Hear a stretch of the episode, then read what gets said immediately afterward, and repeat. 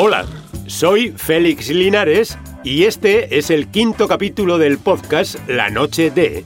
Por cierto, ¿saben qué es lo que cenaron en el Titanic la misma noche de su naufragio? Pues lo descubrirán en pocos minutos.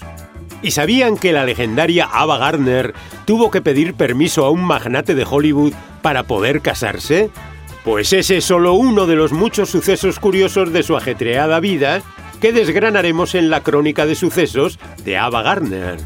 Y no se pierdan el último reportaje de hoy, porque va sobre un hermano del gran Sean Connery que quiso triunfar en el cine interpretando a una especie de hermano de James Bond. Bueno, luego se lo contaremos con todo detalle y no van a dar crédito a lo que escuchen. Mejor arrancamos ya con Bruce Willis.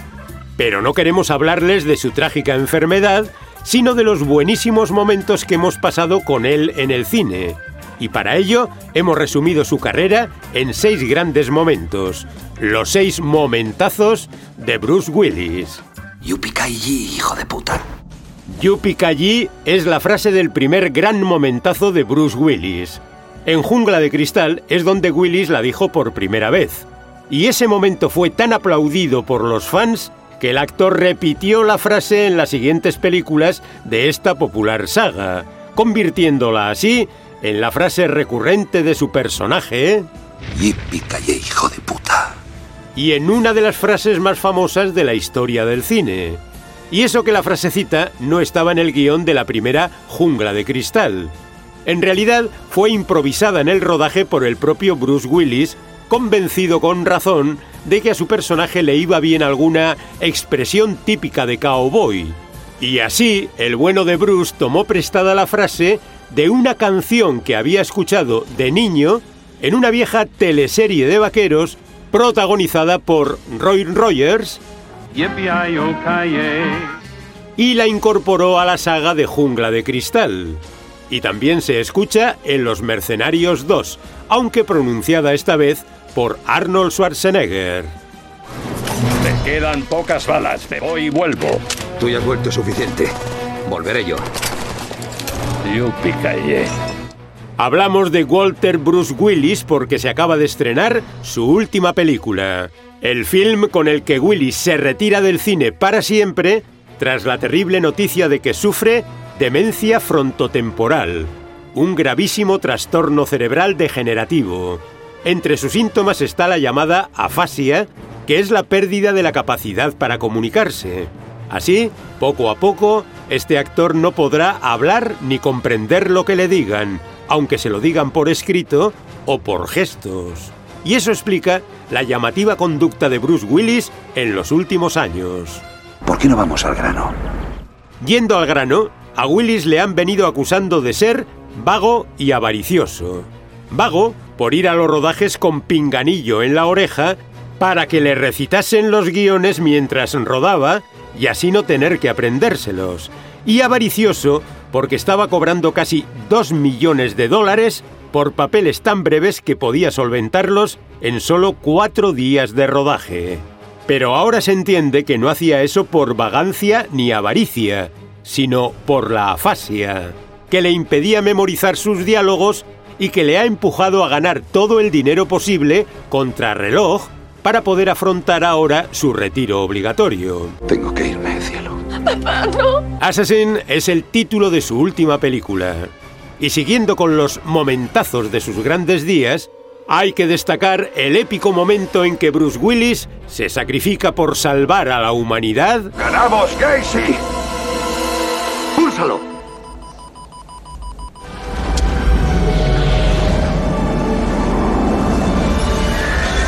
Al final de Armagedón, entregando su vida para detonar la bomba que destruye el meteorito de este film. Y también es muy grande el momento en que suelta la frase definitiva, de tipo duro, en la mejor escena de El último Boy Scout. Me das fuego. Y si me tocas te mato. Willis nunca fue un supercachas como Schwarzenegger o Stallone, pero justamente por ser más vulnerable y recibir más tortas que nadie, a los fans nos encantaba verle vencer a los malos. Era el aparente perdedor que al final siempre ganaba.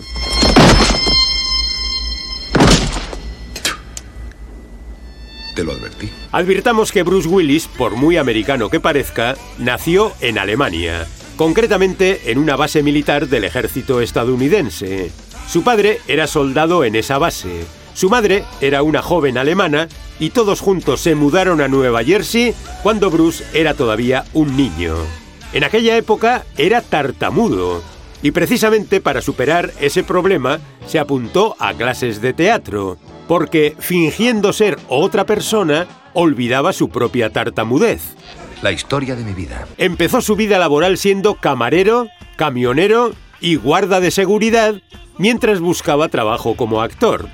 Pero llegó un momentazo en su carrera con el casting de Luz de Luna. Los creadores de esta serie tenían claro que la actriz principal iba a ser Sybil Sheffer, pero no encontraban un galán a su altura, pese a que hicieron pruebas a 11.000 actores de toda Norteamérica. Hasta que ocurrió lo que van a escuchar ahora. Rolling. Mark? Who's the geek on your sofa? Relax. I just came by to return my company cars and tell you I think you're making a big mistake closing down the City of Angels investigation. Acabamos de oír la prueba de casting del entonces desconocido Bruce Willis para la serie Luz de Luna. Como parte de la prueba, mostraban estos castings a un amplio jurado de mujeres escogidas al azar, preguntándoles qué les parecía cada actor. Y una de esas mujeres respondió, nada más ver el casting de Bruce Willis, que le daba la impresión de que acostarse con él es como follar con el peligro. Esa frase fue la que hizo que al joven Bruce Willis le diesen el papel principal de Luz de Luna. Agencia de Detectives Luz de Luna. ¿Qué desea usted? Así se contesta el teléfono. Otro de sus éxitos fue El sexto sentido, aunque aquí los mayores aplausos se los llevó el niño Haley Joel Osment, que fue nominado al Oscar de Mejor Actor Secundario por este film. Pero su director y guionista, M. Night Shyamalan, ha dicho siempre que buena parte del mérito fue de Bruce Willis, porque siempre estuvo a mano para ayudar al chaval con su interpretación, sobre todo en momentazos como la frase de los muertos. Aunque para momentos, el del roast de Bruce Willis. Recuerden que el roast es un programa de humor en el que reúnen a un famoso con sus familiares y amigos para que se metan con él. Y escuchen cómo se cachondeó de Bruce su exmujer, Demi Moore. Estuve casada con Bruce Willis durante las tres primeras películas de Jungla de Cristal. Tiene sentido, porque las dos últimas eran malísimas. Demi Moore y Bruce Willis estuvieron 13 años casados y tienen tres hijas. Su segunda y actual esposa es la exmodelo Emma Hemming. Llevan ya 14 años casados y han tenido otras dos hijas, así que Bruce tiene cinco hijas en total. Y las cinco niñas, las dos esposas y el propio Bruce se llevan todos muy bien, como quedó claro el pasado 19 de marzo, cuando todos juntos celebraron el 68 cumpleaños del actor. El viejo Bruce se va a quedar sin poder hablar, pero nada podrá quitarnos a los espectadores los grandísimos momentos que hemos pasado en el cine con el ya legendario Bruce Willis. Yippee calle, hijo de puta. Si les pillamos con hambre en este momento, lo van a pasar mal, porque vamos a hablar de cine y gastronomía. Concretamente de lo que cenaron los pasajeros del Titanic la fatídica noche del naufragio. Y sabremos cuánto cuesta hoy en día una de aquellas cartas con el menú del Titanic que se salvaron del naufragio. Se van a sorprender cuando lo sepan. Y tendremos alguna otra cosa para picar en nuestra sección Tu plato favorito. Porque cuente. Porque cuente. Podemos contarles que un buen menú de cine bien podría ser el que mencionan en la película Titanic. Y recuerden que en el auténtico Titanic, los pasajeros de primera clase gozaban de un menú de 24 platos por persona, con las recetas más caras y lujosas de la gastronomía de aquel entonces, entre las que destaca lo que pedía el prometido de Kate Winslet en la película. Los dos tomaremos cordero. Poco hecho y con poca salsa de menta. Hmm. ¿Te gusta el cordero, palomita? El cordero estaba realmente en el menú del Titanic. Las chuletitas de cordero a la parrilla aparecen en algunas de las auténticas cartas del restaurante del barco que se han recuperado. En concreto, en la del 14 de abril de 1912, el día del naufragio. Así que las chuletitas de cordero estaban en el último menú del Titanic. Del barco solo se salvaron tres cartas con el menú de aquel día, salvadas por pasajeros de primera clase que se las llevaron de recuerdo. Una de ellas fue vendida en una subasta hace pocos años por nada menos que 90.000 euros, lo que demuestra, sin duda, que todo lo que tiene que ver con el Titanic despierta el apetito de los compradores. ¿Cómo desea el caviar, señor? No quiero caviar, gracias.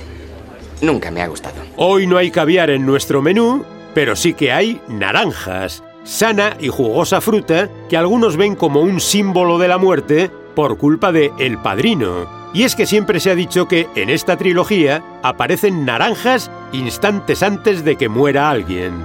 Y viendo las películas parece que así sea. Pero hace algún tiempo se echó por tierra ese mito cuando el director artístico de estos films, el gran Dean Tabularis, confesó que pusieron naranjas tan solo porque quedaban bien. Porque la saga de El Padrino tiene una paleta de colores muy apagada y meter naranjas de vez en cuando daba más vida a la imagen. Así que no usaron esa fruta como símbolo de nada, pese a que a veces los cinéfilos nos empeñamos en encontrar simbolismos donde no los hay. Y mejor no insistimos mucho en el tema, no vaya a ser que Don Corleone tome cartas en el asunto. Hollywood te va a dar todo lo que le pidas. Ya es tarde, empiezan a rodar la semana que viene. A ese Walsh le haré una oferta que no rechazará. Quien sí rechazó a Hollywood fue la gran Ava Gardner, una mujer llena de belleza, talento y carácter. Porque se enfrentó a los magnates de la industria hollywoodiense, le cantó las 40 a Frank Sinatra y puso de los nervios al puritano régimen de Franco cuando vivió en Madrid saltándose todas las normas franquistas. Vamos a repasar los hechos más sorprendentes de su agitada vida en la crónica de sucesos de Ava Gardner. Creo que debería irme a Madrid y quedarme allí. Ava Gardner toreó con su abrigo a los coches del madrileño Paseo de la Castellana, completamente borracha, durante una noche de juerga. Y es que Ava vivió 13 años en Madrid, lejos del control de los productores de Hollywood y haciendo siempre lo que le daba la gana. Allí en Madrid, en otra noche de juerga, hizo parar a un camión de la basura en la Puerta del Sol y convenció al conductor para que la llevara hasta su hotel de cinco estrellas, como si ese camión fuera un taxi. Y en otra ocasión se acostó con el jovencísimo Botones del ascensor de su hotel, desatando un escándalo en la franquista España de la época. Lo mejor para tomar una copa es el hotel. Ocurrió en el Hotel Castellana Hilton, actual Hotel Intercontinental, en julio de 1962, durante el rodaje en las afueras de Madrid de 55 días en Pekín. Al día siguiente, el Botones fue despedido por abandonar su puesto de trabajo para acostarse con la actriz. Pero al enterarse del despido, Ava llamó a los productores de la película, estos se pusieron en contacto con el director del hotel y lograron la readmisión del Botones con el peculiar argumento de que si Ava Gardner te pide que vayas, ¿cómo no vas a ir? Creo que soy bastante bonita, pero no quisiera trabajar en el cine solo por eso. La protagonista de La Condesa Descalza era una mujer de ojos verdes, pelo negro y metro sesenta y ocho de estatura, tan guapa y sensual que fue descrita en su día como el animal más bello del mundo. Y además fue nominada al Oscar de Mejor Actriz Principal por Mogambo y ganó el premio de interpretación femenina en el Festival de Cine de San Sebastián por La Noche de la Iguana. Pero su vida fue más asombrosa que cualquiera de sus películas, con momentos tan increíbles como cuando Ava fue capaz de sentar juntos en una misma mesa de un bar de Madrid a Lola Flores y a Frank Sinatra, un dúo que parece imposible de imaginar, pero que Ava Gardner logró hacer realidad. Eres inmensa. Ava Lavinia Gardner nació la Nochebuena del año 1922 en un rústico pueblo de Carolina del Norte llamado Graftown.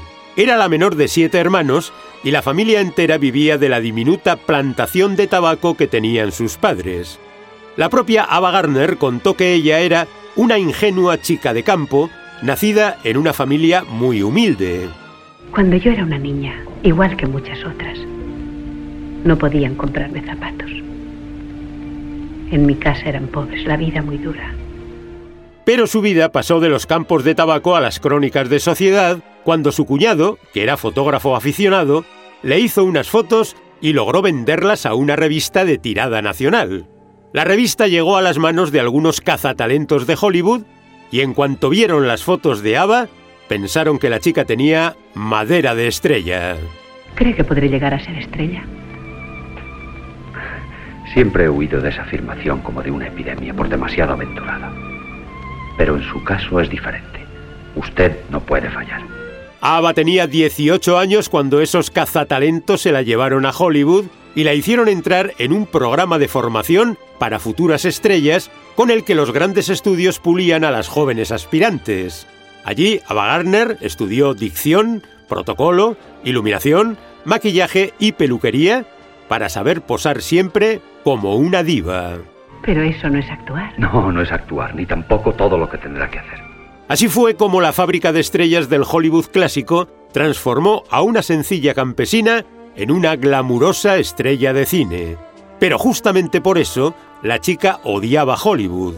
Odiaba su falsedad y sus mentiras y el extremo control al que estaban sometidas las actrices como ella.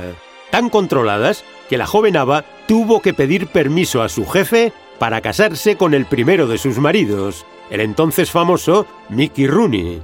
El magnate de la Metro Goldwyn Mayer, Louis B. Mayer, controlaba con mano de hierro las carreras de Ava y de Mickey, y la pareja tuvo que pedirle permiso para casarse, aunque el matrimonio solo duró 15 meses por las continuas infidelidades de Mickey Rooney, quien tuvo, además, la osadía de decir en público que él había enseñado a Ava Gardner los placeres del sexo. Pero Ava respondió también en público con estas contundentes palabras. Puede que él tuviera placer, pero Dios sabe que yo no. Sería feliz si lo descubriera. Ava Gardner se hizo famosa por sus respuestas corrosivas, como enseguida volveremos a comprobar. Y tras su segundo y también fallido matrimonio con el músico Artie Shaw, la actriz aceptó encantada el rodaje de Pandora y el holandés errante porque le permitió alejarse de Hollywood. Y es que esta película se rodó en el municipio gerundense de Tosa de Mar, y fue allí donde surgió el profundo amor de Ava por la península ibérica. Amor que la llevó a interpretar a la mismísima Duquesa de Alba en La Maja Desnuda. ¿Quién eres? Su Alteza, Doña María Teresa Cayetana, Marquesa de Villafranca y Duquesa de Alba. Perdonad, Alteza, no lo sabía. Os pido disculpas. En esa etapa de su vida, cada vez más asentada en España, fue cuando Ava Gardner se casó con su tercer marido, Frank Sinatra. Estuvieron seis años casados, con continuas rupturas, reconciliaciones e infidelidades mutuas. Pero aún así, siempre fueron amigos. Incluso cuando Sinatra se casó con Mia Farrow, que por aquel entonces llevaba un corte de pelo a lo garzón, a lo chico. Y por eso Ava Gardner, en una de sus corrosivas declaraciones, dijo lo siguiente: Siempre supe que Frank acabaría acostándose con un chico. En cierto modo. Pese a pullas como esa, Ava y Frank siempre se apoyaron. Como cuando Frank Sinatra contrajo neumonía, divorciado ya de Mia Farrow, y al momento, sin avisar, Ava Gardner se presentó en casa de Frank con dos asistentes, una enfermera y 30 maletas de equipaje para instalarse con el cantante y cuidar de él el tiempo que hiciera falta. Así era la gran Ava Gardner. ¿Qué podría decir? ¿Qué puedo decir yo? Frank Sinatra tampoco le falló, porque cuando ella estaba ya al final de su vida, con graves problemas de salud, Sinatra pagó todas las facturas médicas de Ava Gardner y lo hizo hasta la muerte de Ava con 67 años de edad, víctima de una fulminante neumonía. Para entonces, la actriz vivía en Londres tras haberse ido de España por problemas con Hacienda, y físicamente era ya la sombra de lo que fue. Pero nosotros preferimos recordarla en la cima de su grandeza, cuando era la más grande de Hollywood y vivía como quería. En Hollywood no es fácil convertirse en estrella. ¿Cuánta razón tienes, querida Ava? Y si no, que se lo pregunten a Neil Connery, hermano pequeño de Sean Connery, que trató de hacer fortuna con una película en la que se parodiaba a James Bond. ¿Cómo le salió la jugada? Lo van a descubrir ahora mismo en esta sección en la que ustedes preguntan y nosotros respondemos. Línea caliente. ¿Es verdad que un hermano de Sean Connery también encarnó a James Bond? Nos lo han preguntado varios espectadores, fans de Sean Connery. El primero, y para muchos el mejor, de todos los actores que han encarnado a Bond en la pantalla grande. Y atención, porque por asombroso que parezca, su hermano pequeño también hizo de Bond. Es algo tremendo 007. Eh, sí, señor. Sean Connery rodó precisamente siete películas de 007. Y cuando iba por la quinta de ellas, se rodó una oportunista parodia italiana de la saga de Bond, protagonizada por Neil Connery, hermano de Sean, ocho años más joven que el más famoso de los Connery.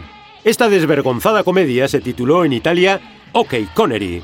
En Estados Unidos se estrenó como Operación Hermano Pequeño y a España llegó con el título de Todos los hermanos eran agentes. Puestos a parodiar la saga de Bond, los productores de esta comedia contrataron a cinco intérpretes habituales de la saga oficial. Y hay que decir que les pagaron muy bien.